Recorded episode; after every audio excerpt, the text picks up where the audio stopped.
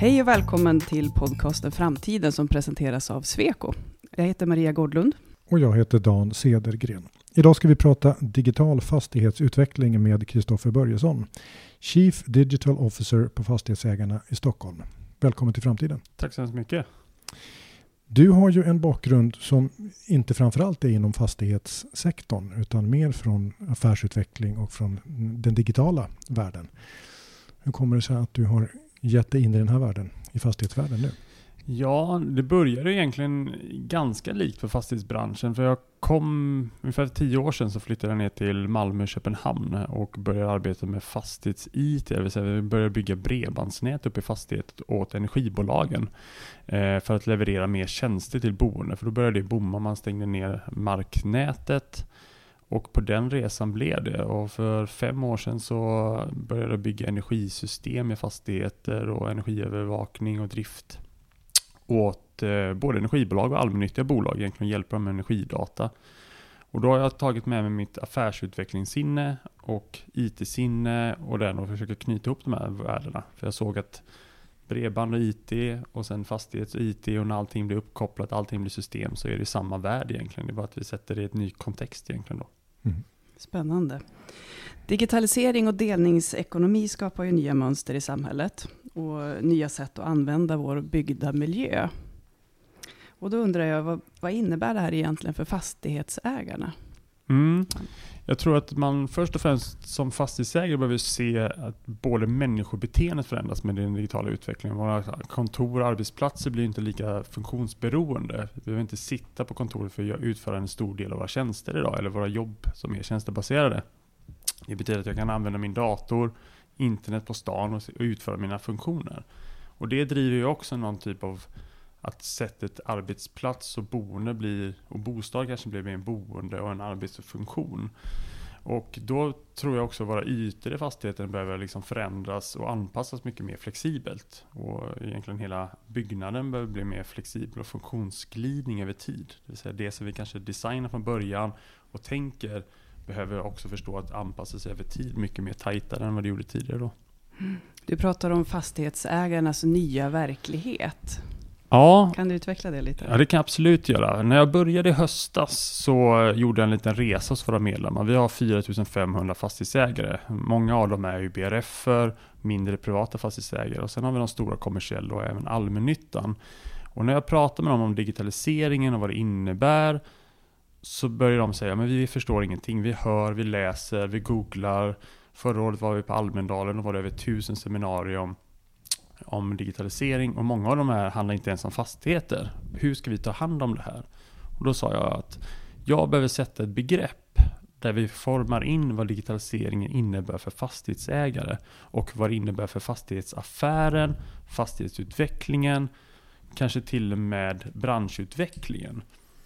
Och då brukar jag prata om fastighetsägarnas nya verklighet. Och det kan vara allt ifrån coworking, co-living, proptech-företag, digitala tvillingar, digitala lås och så vidare. Det är saker som inte dök upp för 5-10 år sedan men dyker upp nu. Mm. Hur, hur, hur, om du skulle vikta, liksom, vad är det viktigaste förändringen för fastighetsägarna? Är det den teknik som möjliggörs eller styrning av fastigheterna som möjliggörs och projektering av fastigheterna som möjliggörs av digitaliseringen? Eller är det förändringarna i hur vi lever våra liv på grund av delningsekonomi och, och digitalisering? Jag skulle säga att det är hur vi lever våra liv. Eh, tekniken finns idag för att göra mycket. Sen finns en viss tröghet i processen för att komma in och att använda tekniken i sina fastigheter. Men det sker inte lika snabbt som förändringen av vårt konsumentliv eller utanför.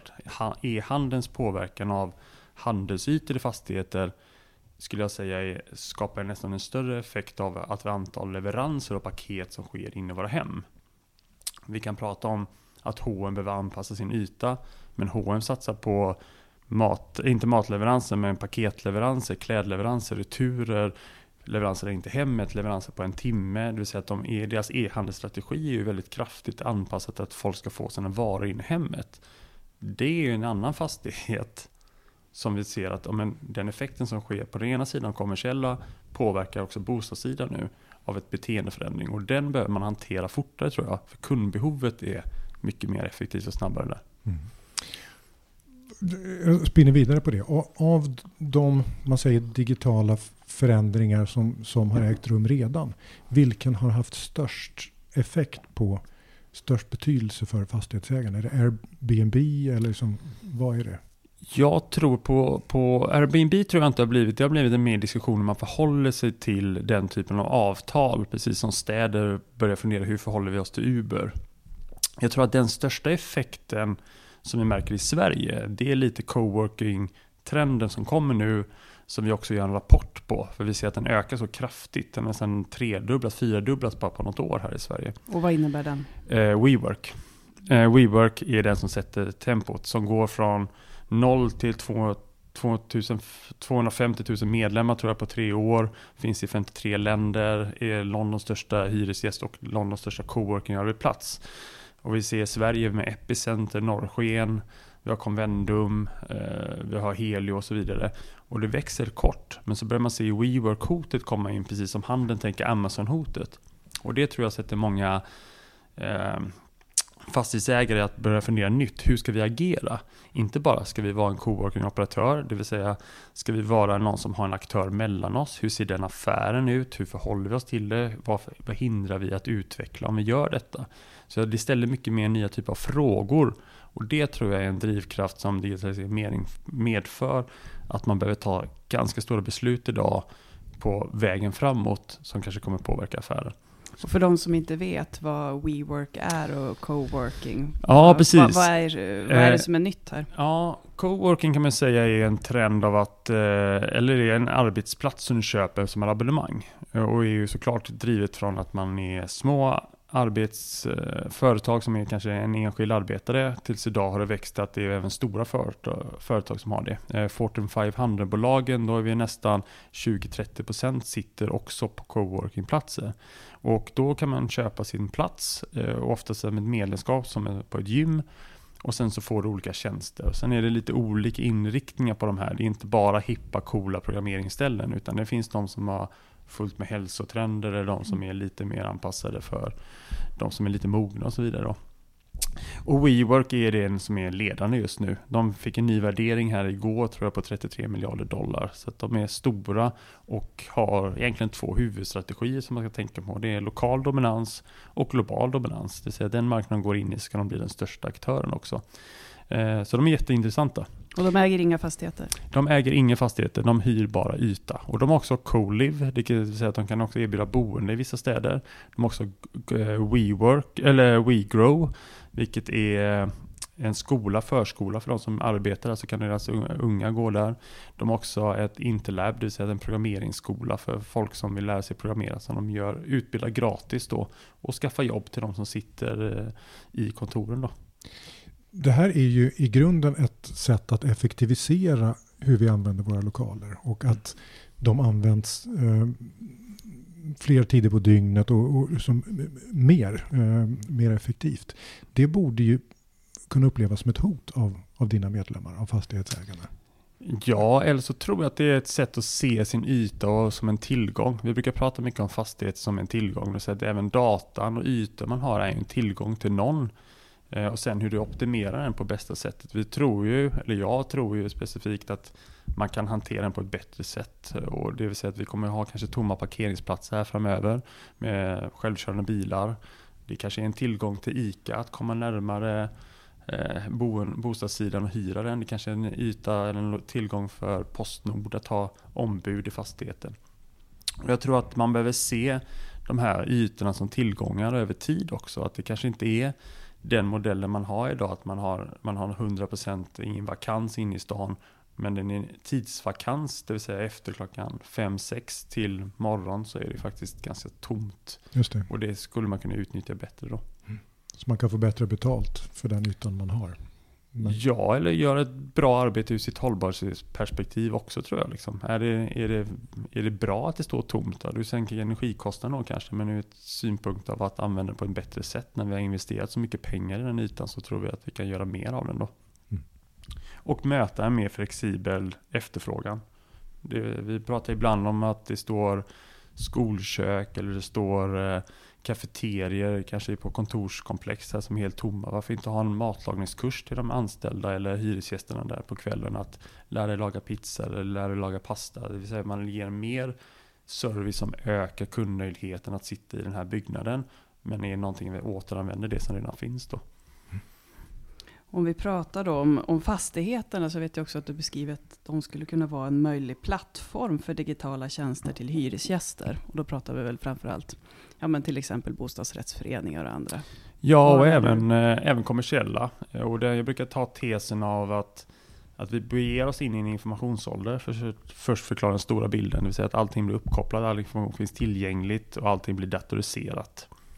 Detta medför också att den affärsmodellen som är mest logiskt och vinnande i det här är ju plattformsorienterade bolag. Det är samma modell som WeWork använder, Spotify använder, Apple använder, Google använder.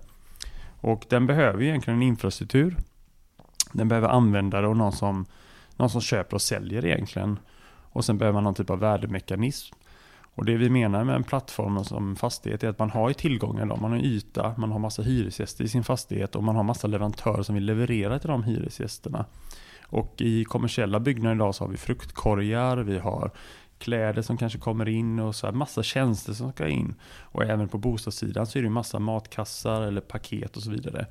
Och för en fastighetsägare att se sin fastighet som en tjänsteplattform, då ser vi att vi, hur kan du integrera dem i din affärsmodell? Finns det någonting du kan använda för att förbättra de här leverantörernas tjänst? Och det ena är ju att ja, de vet ju vem som sitter där och hur man kommer åt den.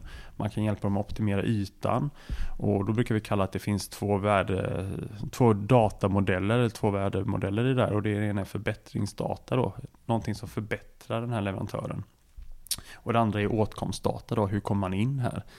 Eh, för Postnord så kanske det, man sparar pengar på att veta var man kan parkera, hur man kommer in, att det finns en postbox eller leveransrum att leverera till. Eh, och får de också att åtkomstinformation, det vill säga att ni får en digital nyckel eller ni får en tagg att ni kan använda så kommer ni in lättare. Vilket sparar tid i mindre rutter, lättare att parkera, mindre parkeringskostnader eh, och man slipper bomkörningar eller stå och vänta vid dörren. Och det är någonting som förbättrar samhället men också är förbättrar deras tjänst. Och då använder man sin tillgång för att förbättra det. Och då ser vi att det är en plattformsmodell då. Om du tittar framåt, livet som hyresgäst, antingen i en, en bostad eller som eh, kommersiell hyresgäst. Titta tio år framåt, eh, hur tror du att fastighetsägarens erbjudande kommer att förändras då? Jag tror att man kommer vara mer, eh, mer uppkopplat såklart sådär i, i sitt liv på något sätt. Men jag tror inte det är fastighetsägaren som kommer erbjuda det. Jag tror att tittar man på de trenderna idag som går på Apple och Amazon och i WeChat och alla de är på asiatiska marknaden idag så är det ju väldigt mycket fokus på boende eh, eller hyresgästkonsumationsinterfacet och att skapa förtroende. Säg det ordet en gång till. Boendeinterfacet, det vill säga gränssnittet mellan mig, och, eh, företaget och, mm. och mig som människa. Ja. Eh, det, kommer, det är en app idag oftast medan Apple och de här går mot voice nu, det vill säga att vi har högtalare vi pratar med. Och frågan är om vi som fastighetsägare kan konkurrera med den den lösningen. Det vill säga, kan vi erbjuda smarta hemlösningar snabbare än vad mm. de kan? Mm. För det går så snabbt och de har så stora ekosystem. Så där tror jag att det blir svårt. Men däremot så tror jag att fastighetsägarnas roll i den här kedjan handlar väldigt mycket om förtroende. Det vill säga, hur kan vi bygga trygghet, förtroende och kontroll åt hyresgästerna? Någonstans så paketerar man dem i en byggnad som ger dem skydd. Eh, även om de sitter i en kommersiell fastighet eller en privat. Och där tror jag att den här förtroendebiten kommer bli allt viktigare i en digital värld. Eh, och det tycker jag är ett typexempel på eh, Amazon har, och Uber har ju ett, har ett förtroendekris egentligen nu i USA. Även om de växer mycket så är folk börjar frågasätta. Är det värt att de finns? Är de så, ska de vara så stora? Vem är det människan som kommer in i våra hem? Hur säkerställer de det? Uber gör inga bakgrundskontroller och så vidare, vilket gör att städer blir lite förbannade.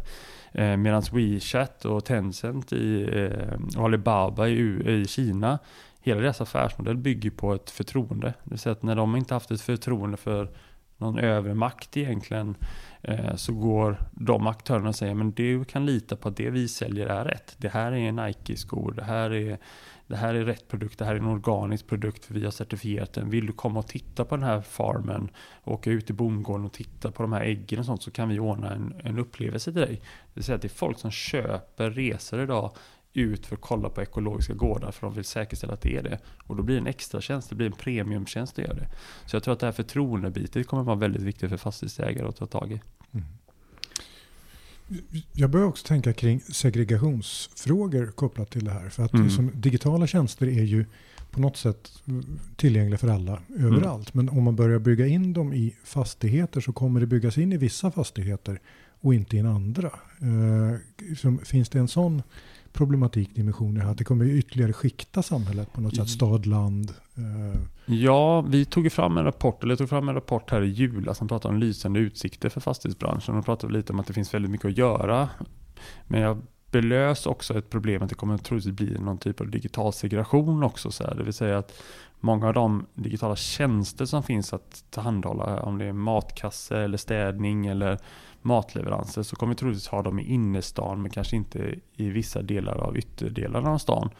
Eh, sen tycker jag, jag har drivit på en tes väldigt länge, att städer borde alltid tillhandahålla gratis wifi laddmöjligheter till telefoner och så vidare med USB i lyktstolpar i städer. För att där ser man också det här, vi kan erbjuda bredband till alla, det har vi gjort väldigt bra i Sverige.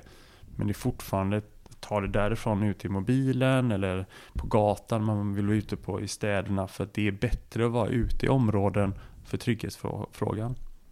Och då tror vi att, att där kan fastighetsägare komma med mer tjänster såklart att erbjuda inte bara bredband i hemmet utan man kanske ska erbjuda mellan fastigheterna arbeta som vi gör idag. Att i områden där en fastighetsägare har så kan vi också öppna upp för, för wifi. Men jag tycker också städer kan hjälpa till med den saken. Att se det som en demokratisk rättighet. För då kan vi skapa innovation också. Mm. Och en allt större fråga de senaste åren har ju varit IT-säkerhet. Vi pratar om förtroende och, och säkerhet i det här.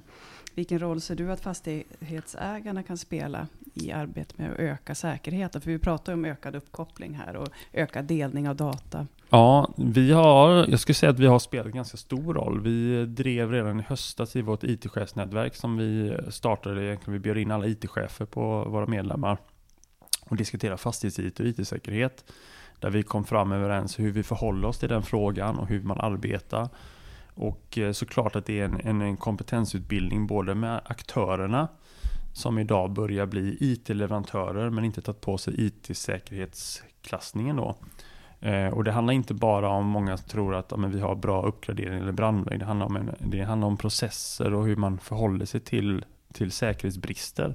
Och där kom vi fram med rekommendationer som vi skickar med i avtalen nu när vi handlar upp olika tjänster. Men det är såklart de stora bolagen.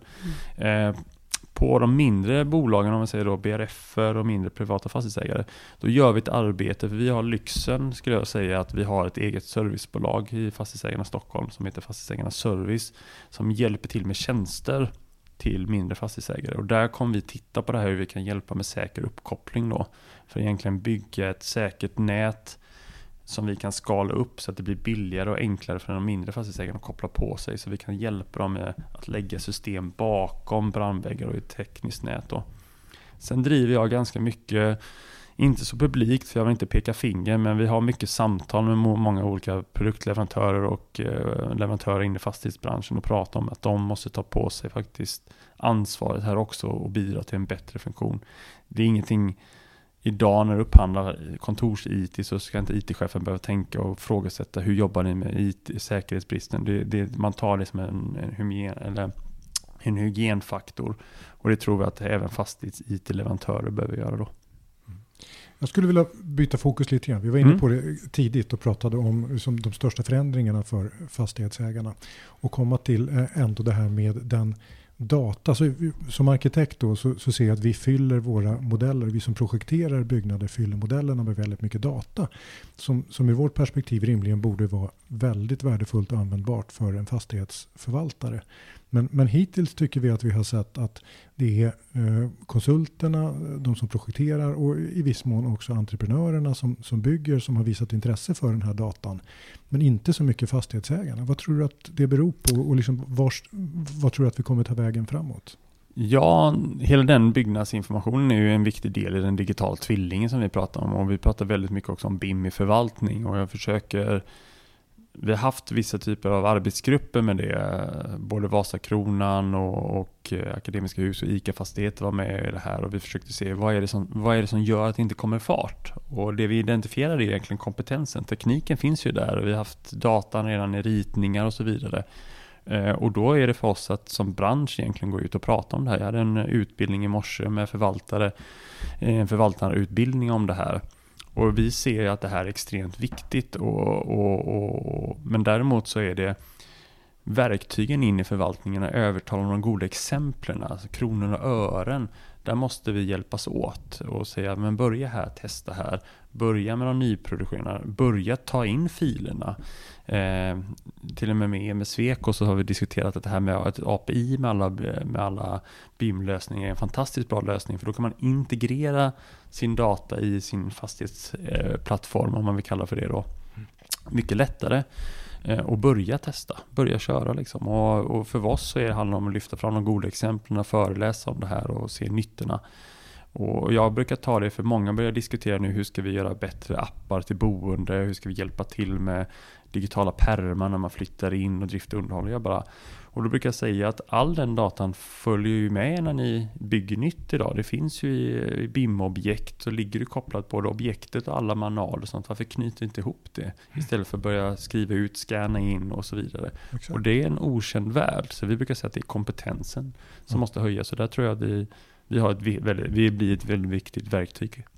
Ni jobbar med det? Det är, ja. det är en satsning ni håller på med? Ja, verkligen. Underhåll och förvaltning behöver förflyttas i vad man kan göra och hur man kan arbeta. Ja, och jag tror också det är en yngre generation som kommer komma in på sikt. Så man ska inte stånga in där för tidigt heller. Vi får nog se att få de här yngre förvaltarna som kommer in, få de här människorna som kommer in förstå kraften i det. Många är ju vana att använda Google Maps och så vidare. Så man får dra parallellen att den här informationen finns det är inget ni behöver liksom investera för att skapa. Ni har redan gjort det när man byggde huset. Nu handlar det om att använda det. Och vad behöver ni för verktyg för att göra det då?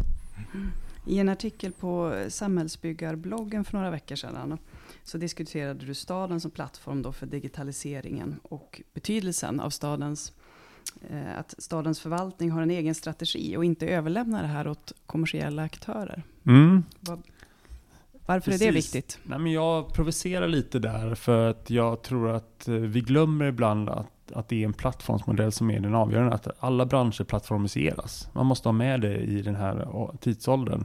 Och eh, vi har väldigt bra strategier i Stockholm. Eh, vi är väldigt bra på den digitala strategin skulle jag säga. Och vi bygger en infrastruktur, vi pratar mycket om öppna data och så vidare. Men vi glömmer två viktiga saker. Det ena är hur integrerar vi data? Och precis som jag skriver i den bloggtexten är att i våra städer, i alla städer i världen, så kommer in aktörer som driver det datadrivna, det vill säga Ubers bilar, självkörande bilar och så vidare, kommer in i våra städer och då har vi plötsligt inte kontroll. Vi kan inte skapa värde åt dem förutom att de säger att ni får köra här. Men vi har väldigt svårt att få in data från dem om inte vi ger någonting tillbaka. Så initiativ från Stockholm eller städer som inte har en ekosystemmodell eller en plattformsmodell där de integrerar de här kommer till slut bli plattformiserade. Det är punkt liksom.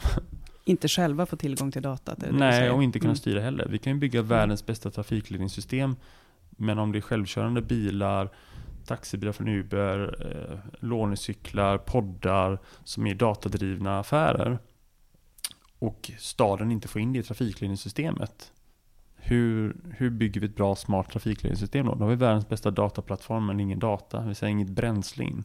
Och där tror vi liksom att man måste bygga modellen på ett rätt sätt och in, hur man integrerar, inte vad man bara öppnar upp då för att släppa iväg vidare. Mm.